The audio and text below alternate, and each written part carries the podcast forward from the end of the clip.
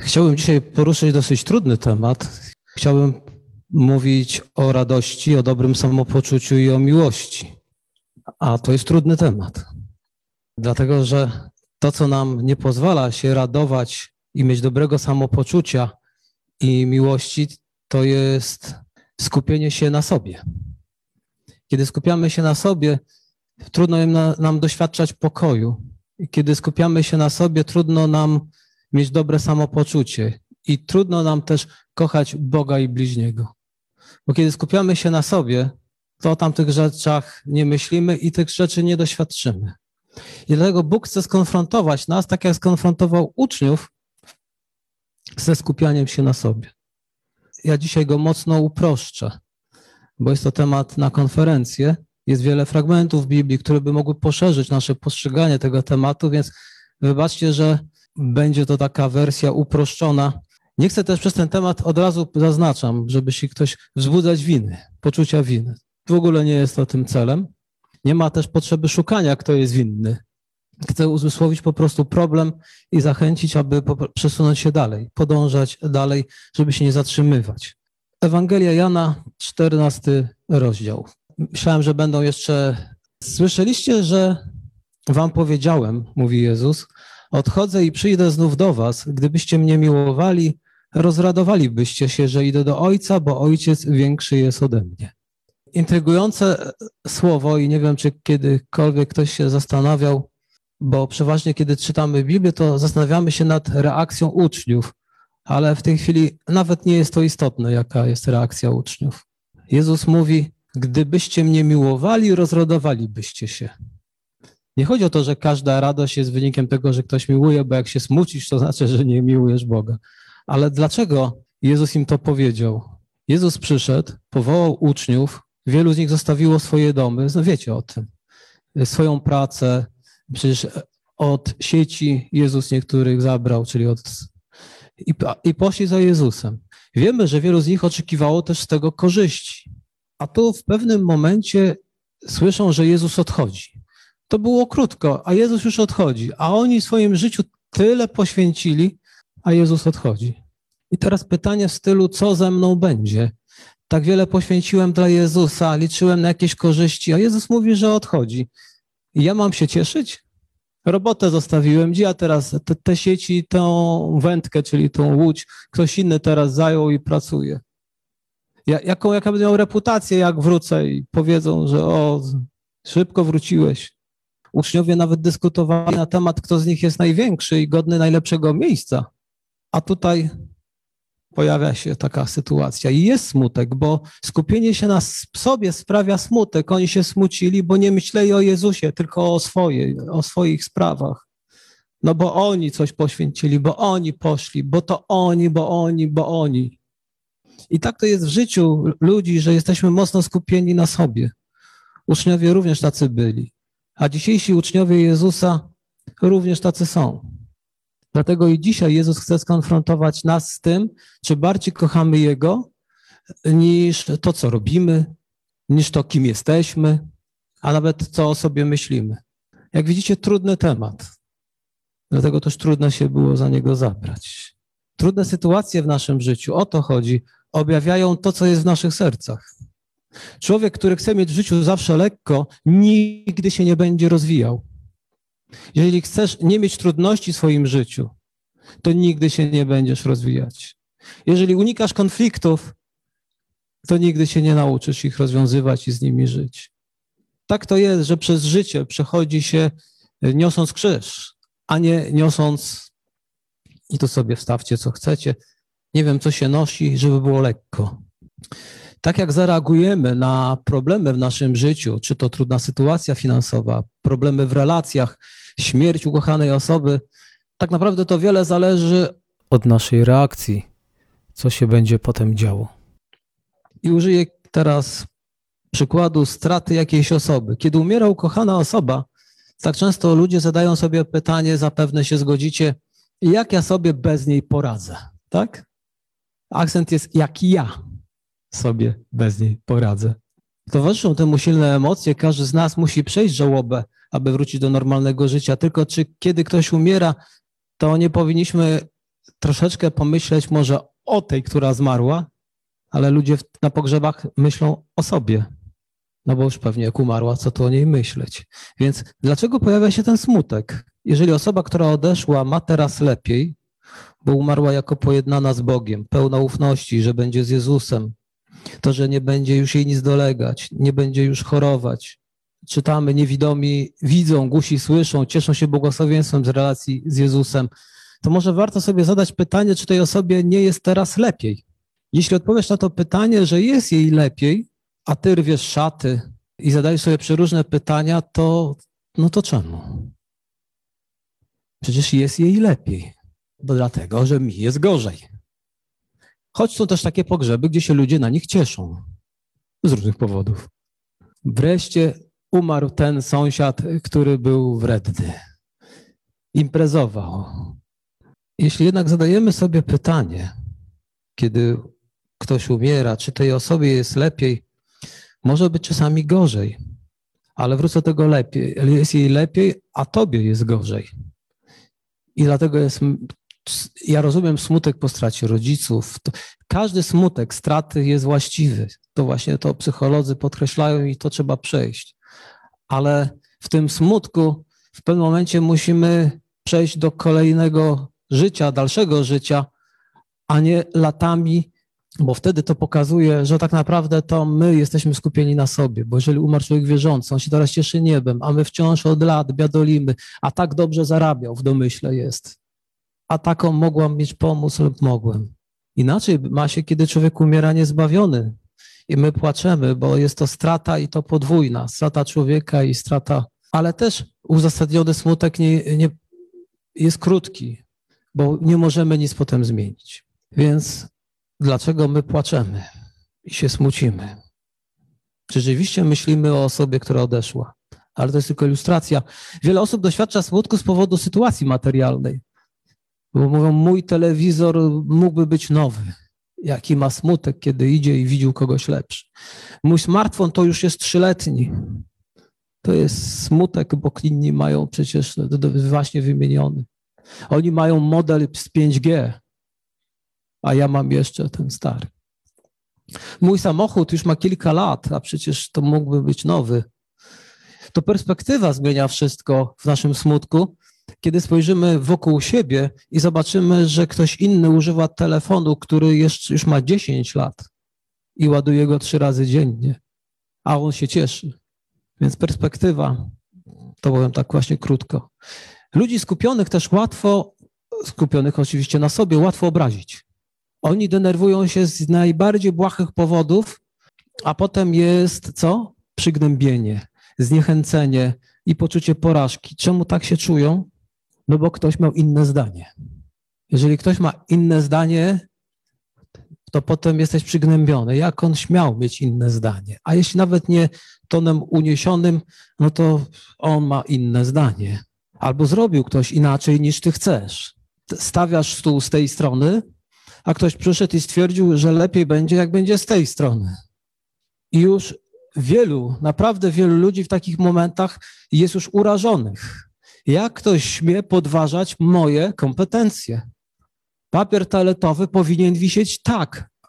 Szczoteczka do zębów powinna leżeć tu, a ściskana powinna być od końca do początku, a nie tak na środku.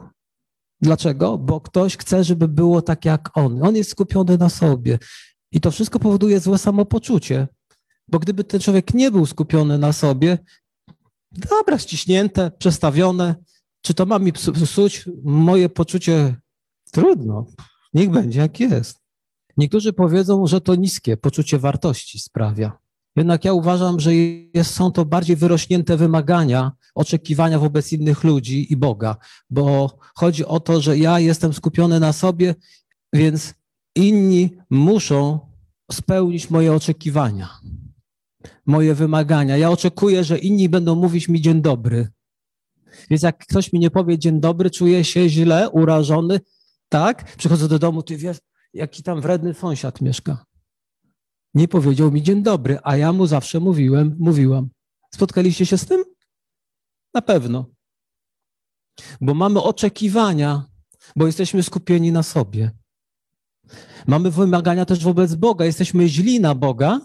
Spotkaliście się z tym, że ktoś jest zły na Boga? No bo Bóg nie wysłuchał jego modlitwy. Jak Bóg śmiał nie wysłuchać jego modlitwy? Znacznie więcej radości mają ci, którzy potrafią cieszyć się z tego, co mają. Radości nie odbiera im to, czego nie mają. No to jest właśnie ciekawostka, że mówią, o gdybym miał to i gdybym miał tamto, to byłbym bardziej radosny i szczęśliwy. Czyli jest to śmieszne, że radość odbiera im coś, czego nie, nie mają i nie mają nawet możliwości zdobyć, ale już pozbawiło tej ich radości. Diabeł już się cieszy. Bo ktoś powie, chciałby mieć lepszą pracę. Teraz ma pracę, ma zarobki i starcza mu na życie. On chce mieć lepszą. I ta lepsza praca, której jeszcze nie ma nigdzie, już mu zabiera radość z, z tego, że teraz ma tu pracę. Dlaczego? Bo jest skupiony na sobie. Idźmy dalej. Jeśli obrazisz martwego człowieka, powiesz mu coś niemiłego, ty, czy, to czy on ci odpłaci? Pójdziesz na cmentarz i tam nawrzucasz sąsiadowi, a ty taki owaki, byłeś taki po prostu straszny. Te imprezy twoje nie dawały mi spać. Byś się zdziwił, jakby się płyta odsunęła i ręka taka grożąca się wychyliła. Ale nic takiego się nie dzieje. A czemu mówię o tym? No bo jest w Biblii pewien fragment, który czegoś nas uczy. Rzymian. Zobaczcie. Jeżeli umarliśmy dla grzechu, jakże możemy żyć w nim nadal? Otóż, jeżeli umarliśmy razem z Chrystusem, wierzymy, że z nim również żyć będziemy. O tym mówimy bardzo często. I jeszcze kolejny fragment, żeby tak zobaczyć, że to nie jest jeden, w innym miejscu. Prawdziwa to mowa. Jeśli bowiem z nim umarliśmy, z nim też żyć będziemy. Ale ten poprzedni mówi: Umarliśmy dla grzechu. Czy na pewno? Dlaczego tak wielu chrześcijan, bo ja dzisiaj do chrześcijan mówię, bo przecież to chrześcijanie powinni spełniać te kryteria. Dlaczego tak wielu dzisiaj chrześcijan obraża się, gdy ktoś im coś powie albo zrobi? Przecież jeżeli są martwi, dlatego że skupiają się na sobie. Powinniśmy zaś umrzeć dla grzechu. Co to znaczy? Czasami mamy chęć zemsty. No to jest właśnie grzech umarliśmy dla grzechu. Więc jeżeli ty się chcesz mścić, to znaczy, że wskrzesiłeś siebie z grobu. Mamy taką moc wskrzeszać się. Jak innych, jak innych, to nie będę dyskutował czy innych, ale siebie wzbudzamy, znowu wybudzamy z martwych i się martwy człowiek unosi, niekoniecznie w czyjejś obecności, ale sam w sobie, jak on śmie. Więc jest chęć zemsty, ale człowiek wierzący umarł dla grzechu, więc a czy zemsta jest grzechem? No może od tego potem zacząć.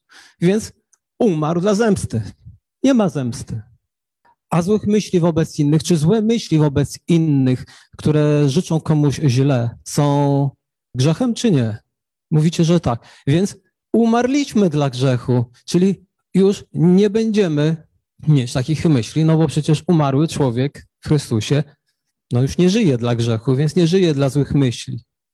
Ja wiem, to jest droga my w tej drodze podążamy. Do, no, później chciałem to powiedzieć, ale teraz muszę powiedzieć. Ale jeżeli podnosi ci się głowa ta martwa z grobu, to trzeba ją przycisnąć znowu w imieniu Jezusa, żeby ten umarlak nie wstawał. Dlaczego więc mamy tak wiele problemów z innymi? Bo skupiamy się na sobie. Powinniśmy zaś umrzeć dla grzechu. Dlatego mówię, ale nasze ego wciąż ożywa. Wciąż ożywa. Dlatego Jezus to powiedział na krzyżu: Ojcze, przebacz im, bo nie wiedzą, co czynią. Później Szczepan, będąc kamieniowany, modli się podobnie. Co to oznacza? Że nie mają chęci zemsty. To są naprawdę wierzący ludzie. Oni nie są skupieni na sobie, żeby teraz, ach, zabolało mnie, to niech się to, niech się ktoś na, zemści. W Starym Testamencie są psalmy takie które mówią o zemście, ale to nie są ludzie Nowego Przymierza. My za często, czytając Stary Testament, przenosimy go w miejsce, które nie powinno być. Czujecie, co mam na myśli? Stare przymierze, stare przymierze jest nowe. Jest coś takiego, to jest dygresja, ale jest coś, co do krzyża i od krzyża. I przeszło pewne przez krzyż. A Biblia mówi, w Chrystusie pewne rzeczy się zmieniły. Więc pewne stare, starotestamentowe przykazania nie mogą być zrozumiane, jeżeli nie weźmiemy je przez krzyż. Nie przepuścimy. Przez dzieło krzyża. Przez śmierć Jezusa Chrystusa na krzyżu. Dlatego tam, kiedy tak złorzeczyli te złorzeczące psalmy, a Jezus mówi, macie miłować wrogów. Tak Jezus powiedział? A w Starym Testamencie ci psalmiści, jak czytacie, inni modlą się, żeby go Bóg pokarał. W Nowym Testamencie nie ma takiej modlitwy, żeby go Bóg pokarał. Bo sam Jezus mówi się, przebacz im Ojcze, bo nie wiedzą, co czynią. Modlitwą Starego Testamentu, gdyby Jezus się tu pomodlił, powiedział, Ojcze, ukaż ich. Bóg ma dla nas radę, a jeśli to mówi, to wie, że to jest w naszym zasięgu, to co tutaj czytamy. Może nie z dnia na dzień, ale na pewno. Efezjan 4:32 czytamy: Bądźcie jedni dla drugich uprzejmi, serdeczni, odpuszczając sobie wzajemnie, jaki wam Bóg odpuścił w Chrystusie. Kiedy to się może udać? Wtedy, albo kiedy się udaje, bo jak powiedziałem, kiedy uznasz, że umarłeś dla grzechu i możesz teraz żyć w mocy Bożej i łatwiej będzie ci kochać Boga i ludzi. Wiem, że czasami człowiek wstanie na chwilę z tych martwych i komuś coś powie, coś zrobi, coś pomyśli, ale wtedy poprzez pokutę z powrotem pakujemy te zwłoki do, te myśli do grobu. Kiedy nam się to uda? Wtedy, kiedy będziemy martwi. Mateusza, 18 rozdział. Zobaczcie, co Jezus powiedział. Wtedy przystąpił Piotr do niego i rzekł mu, Panie, ile razy mam odpuścić bratu memu, jeśli przeciwko mnie zgrzeszy? Czy aż do siedmiu razy? Nie. Biblia mówi 77 razy. Jest taka pewna prawda, którą musimy przyjąć, żeby się czuć dobrze, żeby być szczęśliwym, żeby być radosnym. Nikt z nas nie zasługuje na to, by być kochanym, a Bóg nas kocha, prawda? Kocha i przebacza, choć nie zasługujemy na to. Jeżeli też nie zasługuję na to, by ktoś mnie, no jak chcę powiedzieć to wyraźnie, ja nie zasługuję na to, żeby ktoś mnie kochał. W niczym sobie na to nie zasłużyłem, ale cieszę się z każdego życzliwego gestu. Jeżeli ktoś coś powie miłego, czy jakiś zrobi gest, ja się cieszę, ale nie żądam, nie oczekuję. Staram się nie mieć oczekiwań. Czasami ktoś powie, że nieuzasadnionych oczekiwań. Wiecie co, ja nie mam żadnych oczekiwań, dlatego że wtedy nikt mnie nie rozczaruje. Czujecie, o co tu o co chodzi? Staram się, może tak. To nie o to chodzi, bo czasami z tych martwych trochę wstaję, się rozglądam. Ale kiedy nie mam żadnych oczekiwań, to wtedy nikt mnie nie rozczaruje. Ja przychodzę do Boga i robię to, co Bóg ode mnie oczekuje. Uczę się cieszyć tym, co mam i tym, co jest. Jak powiedziałem, uczę się, więc. Jaki jest diabelski przyczółek? O tym chcę Wam powiedzieć, tak króciutko wspomnieć. Diabeł bardzo często będzie wykorzystywał właśnie ludzkie ego. Słowo bardzo często to chcę powiedzieć zawsze. Rzadko mówię zawsze, bo trzeba mieć na uwadze, że jak ktoś mówi, nie mów nigdy, nigdy, tak? nie mów. Tu jestem zawsze ostrożny. Ale ego diabeł będzie wykorzystywał. To jest taki przyczółek, gdzie znajdzie coś, bo to jest cudowne. To jest z tych narzędzi, z których można coś rozdmuchać, bo już człowiekowi się rozpala coś i to tylko nadmuchać i no cóż, z te, no cóż z tego będzie, cóż się zawsze okaże. Dlatego też bardzo ważną rzeczą jest, abyśmy ogarnęli ten temat i rozprawili się z tą chęcią, żebyśmy ogarnęli ten temat i rozprawili się z tą chęcią bycia w centrum. To znaczy, aby nas doceniano, wywyższano czy dowartościowywano. Jeszcze raz wrócę do tej myśli, jeżeli się nie rozprawimy z tą chęcią bycia w centrum, aby nas, podkreślam, doceniano, dowartościowywano i broń Boże, bo jest taki problem, aby ktoś powiedział nam coś wtedy niemiłego, to się na niego obrażę. Przestanę się odzywać. Znacie to, jak kto przestaje się do kogoś odzywać. Jeżeli z powodu obrażenia, to to trzeba by się zastanowić, bo trzeba by się pojednać. Ale to, że się ktoś do kogoś nie odzywa, wcale nie oznacza, że jest coś złego. Po prostu do pewnych ludzi się nie odzywamy, bo nie mamy nic do powiedzenia tej osobie, albo po prostu nie widzimy sensu o nie, z nią rozmawiać, no bo przecież nie ze wszystkimi trzeba w życiu rozmawiać. To od razu mówię. To nie znaczy, że jak z kimś nie chcesz rozmawiać, może po prostu nie masz tej chemii. No, no przecież jak nie ma chemii, to po co na siłę z kimś rozmawiać? Ale wracamy do tematu. To jest miłe, kiedy inni nas chwalą doceniają, mówią miłe słowa, prawda? Zgodzicie się. Ale pozwólmy, żeby oni to robili z serca, nie z przymuszonej woli, tylko z nieprzymuszonej. I niech nam to też w głowie nie zawróci. Ale co to oznacza? Każdy z nas od urodzenia jest już egoistą. Dlatego od urodzenia już próbujemy coś osiągnąć. Mamy to w naturze. Kiedy ja jako noworodek przyszedłem na ten świat, już byłem egocentrykiem z natury to moja mama musiała się natrudzić. Ona się trudziła, żebym się urodził. Potem ja już wrzeszczałem, że jestem głodny i co mnie to obchodzi, czy ona jest zmęczona. Ma mi dać jeść. Tak nie ma? Więc to jest w naturze. Czy mnie to potem w ogóle obchodziło, że moja mama jest zmęczona, żeby ja potem, żeby miał jedzenie, ciepło, miał gdzie spać. Kiedy dziecko rośnie, czy nadal go obchodzi, skąd mama weźmie jedzenie i tata? Dzieci mało to też obchodzi, skąd weźmiecie pieniądze na nowego smartfona, na nowy rowerek w dzisiejszych czasach. Ważne, że trzeba to mieć, na nowe ciuchy. Jest w naszej naturze. Takie egocentryczne zachowanie u niemowlaka jest akceptowalne.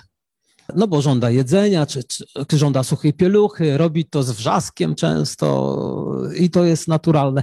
Ale jeżeli to zostanie komuś, kto ma 20 i więcej lat, że znowu żąda i z wrzaskiem, że bo ma suchą pieluchę i nie, znaczy suchą, mokrą pieluchę i jedzenia nie ma, a on ciągle będzie wrzeszczał i się dopominał, no to to już jest nieakceptowalne. I podobnie w naszym życiu. Zauważyłem też, że rodzice potrafią już od małego wychowywać dziecko na egocentryka. No bo jesteśmy egocentrykami, więc wychowujemy się tak nawzajem i przykład, żeby to zilustrować i pójść dalej. Dziecko coś chce i tak długo męczy rodzica, aż rodzic pęka i spełnia pragnienie dziecka. Kiedy brak konsekwencji, kiedy rodzic mówi nie, nie kupię ci tego, nie dam ci tego, a w pewnym momencie dla świętego spokoju daje. Egocentryk wymusił. Skutecznie. Czyli następnym razem znowu, znowu, znowu i się uczy wymuszać, stawiać na swoim. Musi być po tak, jak on chce. Może jeszcze jedna ilustracja dotycząca rodziców, którzy są też wrażliwi na własnym punkcie ego i zarazem uczą dzieci tego samego. E, oczywiście te ilustracje zawsze są niedoskonałe, bo nie bierzemy różnych okoliczności pod uwagę, ale upraszczając, rodzic w sklepie i dziecko coś prosi. Rodzic mówi, że mu tego nie kupi, dziecko próbuje więc wymusić. Znacie tą historię, ale czasami to dziecko, które się rzuca, to nie zawsze jest dziecko chore, to chcę powiedzieć dygresję, znaczy chore z egoizmu. Czasami jest chore, bo ma taki problem. O tym się już dowiedziałem i niektóre dzieci, które wrzeszczą w sklepie, to jest na przykład autystyk, któremu dlatego często może spotkaliście się. Rodzice zakładają słuchawki, jak jadą na zakupy. Widzieliście dzieci ze słuchawkami na uszach w sklepach, prawda? Możecie to się z tym zetknąć. To nie dlatego, że dziecko słucha muzyki, to nie dlatego, że jest jakaś fanaberia. Chodzi o to, żeby to dziecko nie doświadczało tego hałasu, który jest mu niepotrzebny, bo mu szkodzi. Ale teraz mówię o dziecku, które nie jest autystykiem, czy jakichś innych problemów nie ma. I to dziecko krzyczy, żąda, marudzi, skacze, mama kobieta. Tak jak niektórzy czasami dorośli przed kimś. Musi być po mojemu. W kościele tak samo. Musi być po mojemu. Uwielbienie ma trwać tyle i mają śpiewać takie pieśni. Dobra, więc co wtedy rodzic robi? Ugina się i kupuje. Ale dlaczego się ugina? Nie pod wpływem dziecka, tylko dlatego, że dwa o swoje samopoczucie, bo inni patrzą, czujecie to? On, on czuje na plecach wzrok taki inny i, i te myśli, ale rodzic nie, w ogóle nie radzi sobie z dzieckiem. Albo jakiś zły rodzic, zależy jakiemu myśli przy, przy podrzuci diabeł. Jaki zły rodzic, dziecku lizaka nie chce kupić. Co z tego, że w domu mają cały karton? Bo byli na jakiejś imprezie i dostali, dlatego mama mówi, nie kupię ci, bo w domu jest karton. Nie, ja chcę tego. no to jaki to zły rodzic. I, I często co zrobi rodzic, wy to podejrzewam, niektórzy wiecie o czym mówię, się kupuje, bo, no bo nasz wizerunek na tym cierpi. Ludzie wokół nas zaczynają się przyglądać, a żaden rodzic nie chce wyjść na tego złego, który nie radzi sobie z własnym dzieckiem, więc ugina się pod presją. Każdy z nas musi sobie zadać pytanie, czy jest już dorosłym, czy nadal zachowuje się jak rozkopryszone dziecko w sklepie z zabawkami albo w spożywczym. Dlatego tak wiele gniewu, który wydobywa się z nas, jest efektem skupienia się na sobie. Jakże ludzie byliby mniej gniewni, gdyby tak się nie skupiali na sobie. Ci kierowcy gniewni, którzy zajechałeś mi drogę, albo coś źle zapark. Ja nawet na osiedlu widziałem, nie jednym osiedlu, kłótnia o zajęcie miejsca parkingowego, bo ktoś wjechał szybciej. Ktoś był tym świadkiem czegoś takiego, a potem jak tamten wkurzony, że mu ktoś miejsce zajął. Bo jemu. Jak ktoś śmiał jemu. Jemu, jemu, jemu. Dlatego ten gniew się wydobywa z ludzi, którym, którzy skupiani są na sobie, bo musi być po ich niemu. Chcę jednak wtrącić, że nie ma sensu wracać do przeszłości, aby obwiniać innych o to, że wychowali nas na egoistów. Dlatego, że to, to jest w naturze człowieka i bardzo trudno się jest wychować jakoś inaczej. Bo rzadko ktoś też wychowuje świadomie. Czy, czy wy jako rodzice wychowujecie świadomie dzieci na egoistów? Nie. Nikt nie chce mieć egoistów. Dlatego nie ma sensu zastanawiać się, o to chcę powiedzieć, jakąś terapię robić, że tacy właśnie jesteśmy i dlaczego. Trzeba po prostu według mnie pójść do przodu. Dla chrześcijan jest piękne przesłanie Ewangelii Marka w Nowym Testamencie. Zobaczcie. Zmierzając do końca, kto się rozpędzę. Potem przywołał do siebie tłum razem ze swoimi uczniami i rzekł im, jeśli ktoś chce pójść za mną, niech się zaprze samego siebie, niech weźmie krzyż swój i niech mnie naśladuje. To jest przesłanie dla chrześcijan. Zaparcie się siebie samego to jest właśnie te ego, które strącamy z tronu, a stawiamy Jezusa na, na tronie. Chodzi tutaj o pokorę. Człowiek, który umarł dla grzechu, nie może być egocentrykiem. Więc kto chce pójść za mną, niech się zaprze samego siebie. Nie musi być tak, jak ty chcesz. Niech będzie, żeby było jak najlepiej, czyli dobrze, żeby wszyscy mieli e, jak najlepiej. Czy wiecie, kto był najbardziej pokornym człowiekiem na ziemi? E, dla osoby, która wie, mam prezent dostajesz prezent. Proszę, nie wiem, będziemy mógł z tym zrobić. Dobrze, czytamy liczby.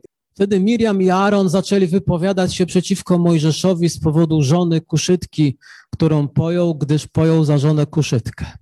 Wybaczcie, mam, pro, mam problemy z głosem. I mówili, czy to tylko przez Mojżesza przemawia Pan? Czy także przez nas nie przemawia? A Pan to usłyszał. Niby z powodu żony się zaczęło. Te Miriam Aaron zaczęli wypowiadać się przeciwko Mojżeszowi z powodu żony kuszytki. Ona musiała być czarnoskóra, więc byli rasistami. Czyli rasizm mamy już tam. Ale to nie chodziło tak naprawdę do końca tylko o żonę. Zobaczcie, ktoś również chciał władzy w kościele. Ktoś chciał również decydować. I mówili, czy tylko przez Mojżesza przemawia Pan? A my to co? Niby z powodu żony. Zawsze oczywiście ktoś znajdzie jakiś powód, bo trzeba znaleźć jakiś powód, ale to przecież żona, żona. Ale w ten sposób podważyli wybranie Mojżesza i jego przywództwa. Bóg chciał ich ukarać za taką właśnie postawę, ale dzięki Mojżesza, Mojżesza, pan wiecie, to zostali jednak uratowani. I padają tu piękne słowa nie z Mojżesza, ale są odnotowane. Mojżesz był człowiekiem bardzo skromnym, najskromniejszym ze wszystkich ludzi, którzy są na ziemi. Inne tłumaczenia pokornym. Ludzie pokorni nie skupiają się na swoim ego, mają więcej wtedy pokoju też dzięki temu. Kiedy mocno skupiasz się na sobie, tym trudniej jest ci się cieszyć życiem, no bo nigdy nie jest tak, żebyśmy byli ze wszystkiego zadowoleni ale mamy taką tendencję, żebyśmy byli ze wszystkiego zadowoleni i wszystko ma być najlepiej. To nie jest niemożliwe, bo świat jest niedoskonały. Nigdy nie będziemy zadowoleni ze wszystkiego w pełni i mieć wszystko w pełni. Pełnia zdrowia, pełnia szczęścia tutaj na ziemi, bo nam się może mylą miejsca.